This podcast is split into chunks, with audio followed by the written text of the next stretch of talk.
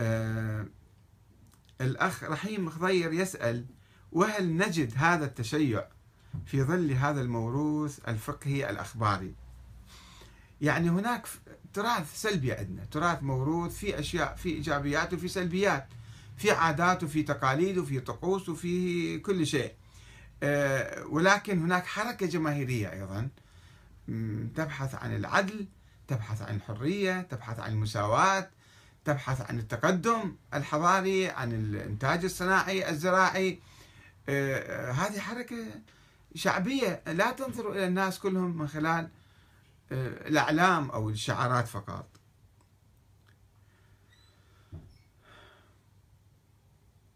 يعود الأخ عبد الحاكم عبد الحكيم فيقول أنهم يكابرون. فمن من هم يكابرون؟ هو كأنه صور يعني لا يزال على تصوره هذا. آه، آه، يعني يقصد الشيعة يكابرون. فمن جهة يقولون على الإمام أن يكون معصوم ومنصوص عليه.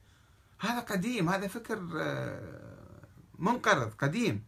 وقائدهم خامنئي لا منصوص ولا معصوم طبعا. ومن جهة يتوسعون لإقامة دولة الإمام الغائب. من قال لك يتوسعون لإقامة دولة الإمام الغائب؟ فهو يحكم عليهم بصفات ما أعرف كيف يعني آه، فهم لا ديمقراطيون علمانيون ولا منهج قديم إنما يوظفون شعار الوحدة الإسلامية للتوسع المذهبي. هذا اتهام خطير أيضا.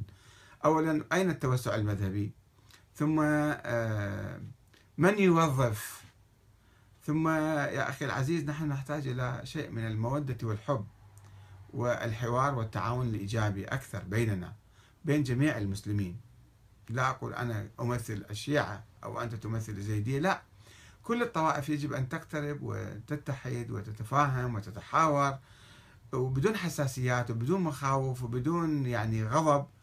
وإشاعة نوع من الكراهية والتوجس أنه هؤلاء يريدون يأكلون وذول يريدون يأكلون. لا يا أخي العزيز ما في. أنت عيش في بلدك وأعمل من أجل تطوير بلدك من أجل إشاعة الحق والعدل والحرية والديمقراطية. وكل واحد يعمل في بلده من أجل هذا الهدف العظيم. فبدون اترك الحساسيات والأسماء القديمة آه، التاريخية. الأخ رحيم آه، خضر خضير يقول أجبنا عن هذا السؤال. كيف يمكن مكافحة التشيع الصفوي والتخلص من التراث السلبي الموروث؟ وما هو دور المرجعيات الدينية في تعزيز الاتجاه الصفوي؟ طبعا كما قلت لكم المرجعيات الدينية تختلف. ومع الأسف الشديد بعضها أو قسم كبير من عندها يمكن يرتبط بوضع مالي وضع سياسي معين يحاول أن يكرس هذه الثقافة القديمة والمفاهيم القديمة. وهناك أيضا ربما آه، علماء كتاب يحاولون يعيدون النظر في كثير من هذه الثقافة الميتة والسلبية كما قام الدكتور علي شريعتي وكما قام الإمام الخميني بطرح نظرية ولاية الفقيه وكما قام ويقوم آخرون يعني يحاولون نقد التراث ونقد السلبيات والدعوة للوحدة الآن إيران مثلا على عكس النظام الصفوي الذي كان منغلقا ويعلن السب والشتم واللعن ويعادي بقية الناس لكي يشحن الناس الآن نشوف النظام الإسلامي في إيران يدعو إلى الوحدة الإسلامية منذ نشأته منذ قيامه. مؤتمرات عن الوحدة دعوات الوحدة آه، يعني دائما يحاول أن يوحد بين المسلمين ولا آه، يشن حملات سلبية لا على الصحابة ولا بالعكس. فتاوى من آه، قادة هذا النظام من السيد علي الخامنئي حفظه الله بتحريم وكذلك السيد علي السيستاني بتحريم الإهانة أو الاعتداء من المؤمنين الكبار. فهناك دعوة للوحدة بدل الوحدة بدل الحالة السلبية. وطبعا هم ليسوا أول من قام بذلك. النظام القاجاري نادر شاه نادر شاه القاجاري هذا جاء بعد انهيار الدولة الصفوية في القرن الثامن عشر في أواسط القرن الثامن عشر الميلادي. آه، وتبنى سياسة الوحدة الإسلامية وعقد مؤتمر في النجف الأشرف. جمع علماء الشيعة والسنة وقال لهم تعالوا اتحدوا ما هي الأمور التي تفرق بينكم وتبث العداوة وتزرع العداوة والبغضاء فاجتمعوا بالنجف وقرروا التوقف وإدانة من يعتدي على الصحابة ومن يعتدي على الخلفاء وعلى السيدة عائشة ومقابل اعتراف المذاهب الأخرى بالشيعة الجعفرية كمذهب خامس من المذاهب. آه، هذا أيضا وأدى ذلك إلى أن آه، يقوم ب يعني بإنشاء إمبراطورية واسعة.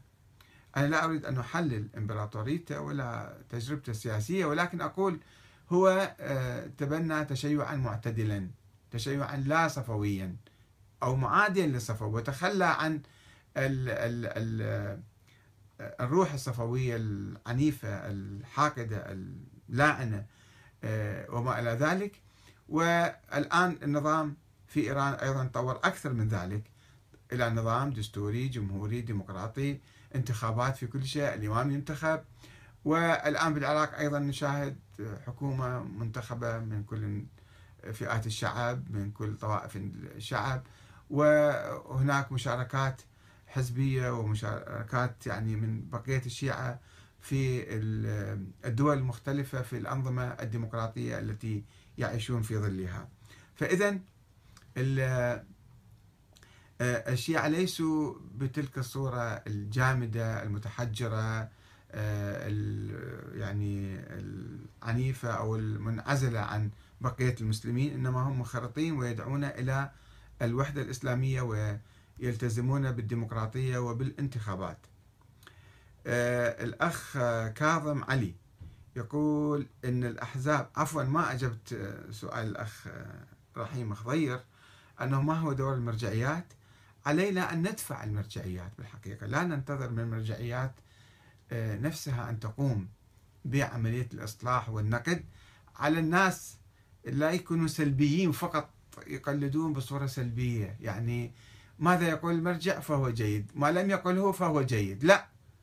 يجب أن نضغط على العلماء والمراجع والمشايخ والخطباء حتى الذين يصعدون على المنابر ويتكلمون شيش بيش أو يتكلمون بصورة عشوائية وصورة سلبية. أن الناس قبل المجلس بعد المجلس دائما يذهبون لهم ويحثوهم على تبني التشيع العلوي الحسيني الذي يعني ينظر إلى المحرومين والمظلومين والفقراء والمساكين ولا آه، ويعمل من أجل الوحدة الإسلامية ولا يبث العداوة والبغضاء في صفوف آه، المسلمين. هذا يعني دور كل إنسان دور الحركات والأحزاب أيضا أنها تتبنى هذا وتلتزم وتطبق المنهج العلوي.